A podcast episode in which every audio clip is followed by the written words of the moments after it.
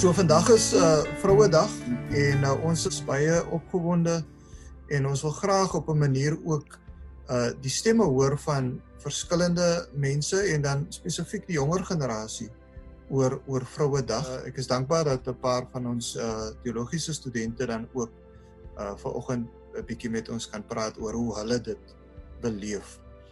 Nou ons uh, gaan nou sommer begin met die vraag en ek wil enigiemand kan nou sommer los. Wat beteken Vrouedag vir jou persoonlik? Um, en en ons sal graag wil hoor 'n verskillende perspektiewe. So wie gaan afskop? Um, okay, ek sal afskop. ja. Ek sal afskop prof. Um ek dink Vrouedag vir my en spesifiek vroue maand. Um dis vir my 'n great dis vir my 'n goeie uh reminder um of herinnering aan hoe ver ons gekom het. Maar dit laat my ook besef oor hoeveel werk daar nog is om te doen. En um ek dink definitief oor wat vroue kan um bereik. Um maar ek dink ook dis 'n tyd om te besef en stil te raak om vroue se stemme meer te hoor maar vroue maand en vroue dag word vir my baie keer um beskiklik geromantiseer en daar word nie regtig na die realiteit van vroue gekyk nie soos ons mm. celebrate hoe wonderlik vroue is en dan as vroue maand verby is um dan moet ons weer veg vir ons lewe en ja. al daai goed wat daarmee gepaard gaan. Mm. So ek dink dit is 'n goeie reminder om um oor wat daar geaccomplished is, maar ook hoe wat daar nog moet gebeur en um, ja. hoe ver ons nog het om te gaan. Dankie Madre, enigiemand anders? Ek dink selfs vir my, Debar is is dit baie die die die maand van Augustus is vir my 'n baie emosionele um, maand as ek dit sou kan stel. Um dit is met die die maand wat ek verjaar. Um ek hmm. verjaar op die 22ste en dan ook um is dit mos 'n vroue maand, want vroue dag val in die maand. En vir julle um en vir mense wat vir my persoonlik ken, um sal weet watter um traumatiese um gebeure ek ook al in my persoonlike lewe geervaar het as 'n vrou.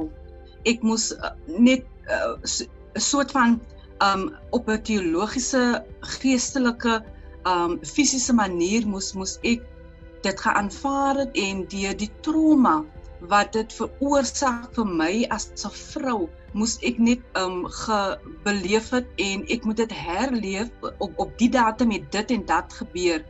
En die maand van Augustus bring vir my dan terug pyn en herinneringe van goedes wat jy selfs as 'n teologiese student um soms voel waar is God ek dank die Here persoonlik dat dit dit nooit vir my tot by die punt gebring waar ek gevra het um uh, of wat ek gevoel het ek wil die Here los nie of ek wil Christianity los nie of ek wil moslim draai of ek wil 'n ander geloof gaan kyk omdat waar is God nie. Maar juis vra waar is God omdat ek die die die verhouding met God net dieper geanker wil hê want daar is nie 'n ander um uitweg vir my as om na God toe te hardloop nie. Ja. So ehm um, ja, ehm um, ehm um, Vrouedag, die maand van Augustus is is vir my 'n uh, 'n uh, emosionele ervaring, maar ook dan 'n mooi ervaring, ehm um, omdat ek kan terug reflekteer na die maniere ehm um, wat ek ge, gekoester het om oor my pyn en oor die vrae te kom. So ja, vir my is dit ehm um, gemengde emosies maar dit is ook baie spiritu spiritually um beteken dit vir my baie want dit dit beteken ek kan juis die hartseer en die pyn in my eie lewe kan ek dan gebruik om vir ander dan um 'n seën te ja, wees. Ja, baie dankie Shanice, maar ek wil ek wil baie dankie sê dat jy ook persoonlik kon deel dit wat dit vir jou beteken. Ons baie dankie. Um Dewald kan ons kan ons hoor van jou kant af? As 'n man? Ek het nou al gedink in die laaste tyd daaroor. Um en had dit by herinner laas jaar was dit ook vroue maand. Um en dit is juist toe in vroue maand dink ek wat daar baie gruisame moorde gepleeg was. Um in vroue maand wat daar steeds verkrachtings plaasgevind het. In vroue maand wat dit nog steeds gender-based violence nog steeds 'n daaglikse realiteit was. Um en dit het my toe laat dink ja, ons kan ons het social netwerk, ons het social media campaigns en alles, maar is nog steeds wat ons daarvan maak. Um en as mans speel ons 'n groot rol om verantwoordelikheid te neem. Um van ons is so maklik om te sê, maar as nie as jy ekie, um ek sê dra nie by daartoe nie, maar aan die groter prentjie dra ons daartoe by. Um so as 'n man moet ek krities wees van myself elke dag hoe ek in verhoudinge is met vroue elke um elke liewe dag, maar ook hoe ek ander mans um educate en help tot perspektief kom van ek ken vriende, ek ken mense in families, in my familie, ek ken mense wat na aan my is wat ook um abusive optree teenoor vroue. Um so ek kan nie op 'n platform van social networks, social media ek sê maar ek daag myself uit om binne waar ek sien daar is abuse aan die gang om dat ek daar verskil maak. He. En ek dink dit gaan verder. Jy kan nie op structures vol platforms wil praat, maar nie ook elke dag um wil wil ek um advocate daarvoor nie.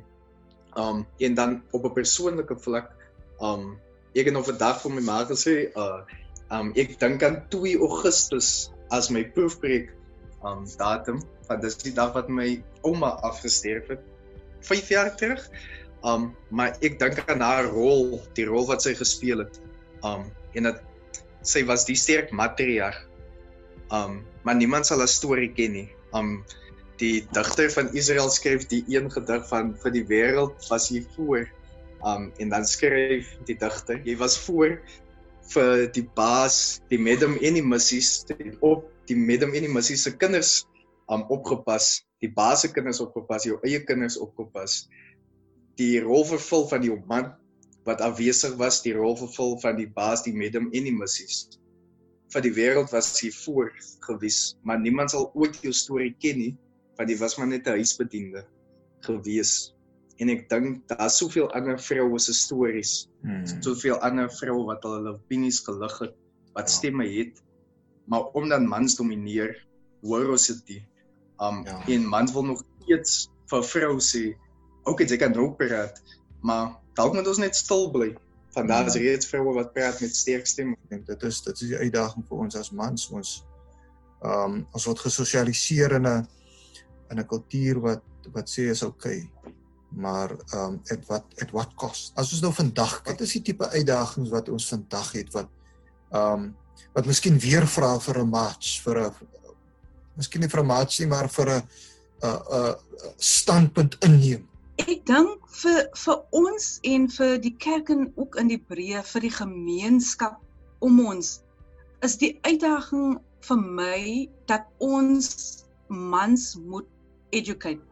Ek dink um ons het in die verlede so baie um gefokus op die vrou, die manier hoe sy aantrek, die manier hoe sy haar gedra, die manier hoe sy haarself um voorhou vir die wêreld en vir haar familie en vriende en haar omstandighede waar sy is.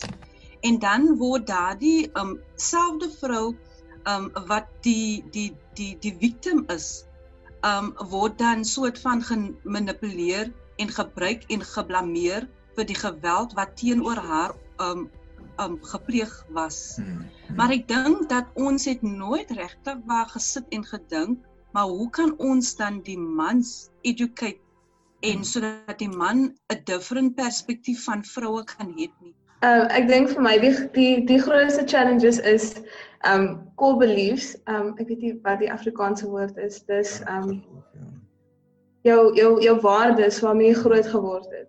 Hmm. En ek dink dit is die ding wat ons die grootste shape, dit is wat ons hele gemeenskap um vorentoe mee beweeg. En ja. wanneer ons begin om 'n verskil te maak, dan ons dan moet ons dit begin verander. Hmm. En ek dink die plek waar ons dit moet begin verander is by die kerk.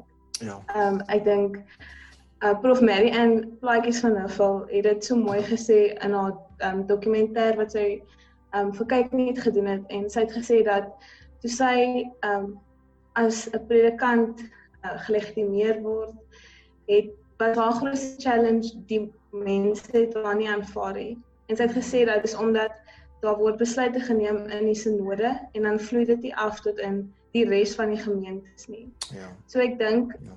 Wat ons moet begin doen is om om kerke um op te voed as um dominees as teologiese studente moet ons hierdie conversations en geselskappe begin hê oor um die plek van vroue in die kerk en um hoe ons vroue hanteer en dan spesifiek dink ek moet ons die belydenis um weer begin studeer en ons moet ja.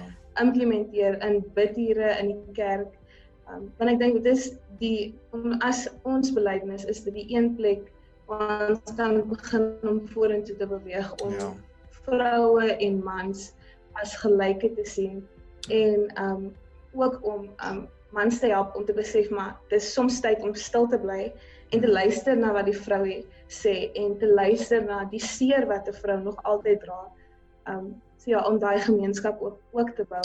En dan dink ek in in ons gemeenskap oor die algemeen um jong mense word verskriklik, veral jong meisiekinders word word stil gemaak as hulle hulle stemme lig. So ek dink weer eens as ons begin by 'n plek waar om mekaar se se value system se um se waardes te evalueer en daaroor te praat en te sê maar kom ons kyk verskillend daaroor. Kom ons kyk hoekom kan vroue nou preek. Kom ons kyk hoekom mans en vroue gelyk is. Dink ek sal dit 'n groot verskil maak so.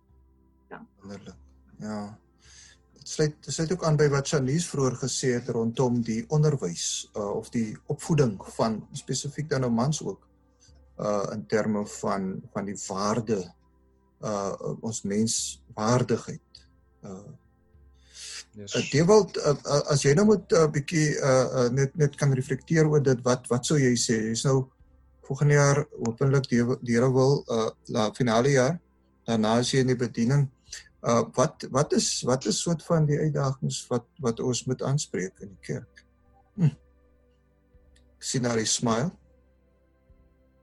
Um ek dink ek dink prof um ter ek dink um se nies en maar het nou klaar genoem mm. wat ek ook kon noem wat ek mm. net by kan by kan voeg is tradisie en kultuur. Op 'n manier dink ek is dit tradisie, kultuur en geloof is nou amper soos interverweefd met mekaar. Mm. Maar ons is krities daarvan nie. Ons aanvaar ja. sekere dinge moet net so wees. Ons hmm. aanvaar die man is die hoof, die vrou is submissive, die vrou moet um kos kan maak en al daai die daai gender norms ons aanvaar dit net. Ons is nie krities van hmm. ons tradisies en ons kultuur um en dit is dit speel uit binne ons gemeenskappe en hmm. as 'n ware speel dit ook uit in regsprosedures want 'n vrou is meer bang om uit te kom 'n meisiekind is meer bang om uit te kom dat 'n ankel in die familie of. 'n hmm. ankel in 'n gesiene ankel in die gemeenskap het haar geraak in um ongepaste wyse van die daai meisiekind gaan gesien word eerder as hmm. wat daai ankel ja. bespreek gaan word. En dit het hmm. te doen met hoe ons ons geloof uitleef, om hoe ons die Bybel lees, om die tradisie en die kultuur dat daar meer waarde gehef word aan die man teenoor dit teenoor opinie van die vrou. En ek dink dit is waar ons krities moet oorweeg. Van ons hmm. as amper ons glo as 'n ding, 'n tradisie is en in ons kultuur dit moet net so wees. Ons wil nie krities daarvan wees om ja. beter te wees nie. Hmm. En ek dink daai het gemaak um, ons en wat ek wil afsluit is ons vergelyk nie ons tradisies en ons kultuur met die karakter van God nie. En as God liefde is, kan dit die grootste Christen man wees wat onvanpas omgaan met 'n dogtertjie, selfs met 'n seentjie. Um en ons sal daai hooggeestelike man beskerm en ondersteun eerder as om dit te vergelyk met die karakter van God wat verlang dat ons dit moet aanspreek. Ja, nee baie dankie. Dankie vir julle. Um ek dink julle daag ons uit hulle daag ons en dis belangrik uh, ek dink in die gesprek het dit ook uitgekom dat dat ons moet ons moet luister Um en ons moet die stemme moet ons ernstig opneem. As jy nou net ter afsluiting miskien 'n lyn om te sê wat is op hierdie oomblik die belangrikste ding waaraan ons moet weet? Om vir ons um vroue te leer om nee te sê en dat dit oukei okay is om nee te sê. Fragile masculinity aan te spreek en laat mans moet deel met hulle manlikheid. Is dat ons mans moet onderrig om um te weet hoe om om te gaan met ons vrouens. Om nee te kan sê met unlearn, met relearn. Real Afgelope tyd worstel ek met koningin Vashti en Mm. toe sy vir die koning nee gesê het. Mm. Um ek dink dis daai sy moes ja gesê het want sy was die koningin en dis in hulle waardestelsel dat sy moet doen wat die koning sê. Maar sy het daai standpunt ingeneem om te sê nee. En Mm. ek dink veral kan dit vir ons so 'n groot um voorbeeld wees om te om leer om nee te sê en te leer om ook krities te wees van um, dit wat ons geleer was en veral vir jong meisies. Maar dankie vir julle.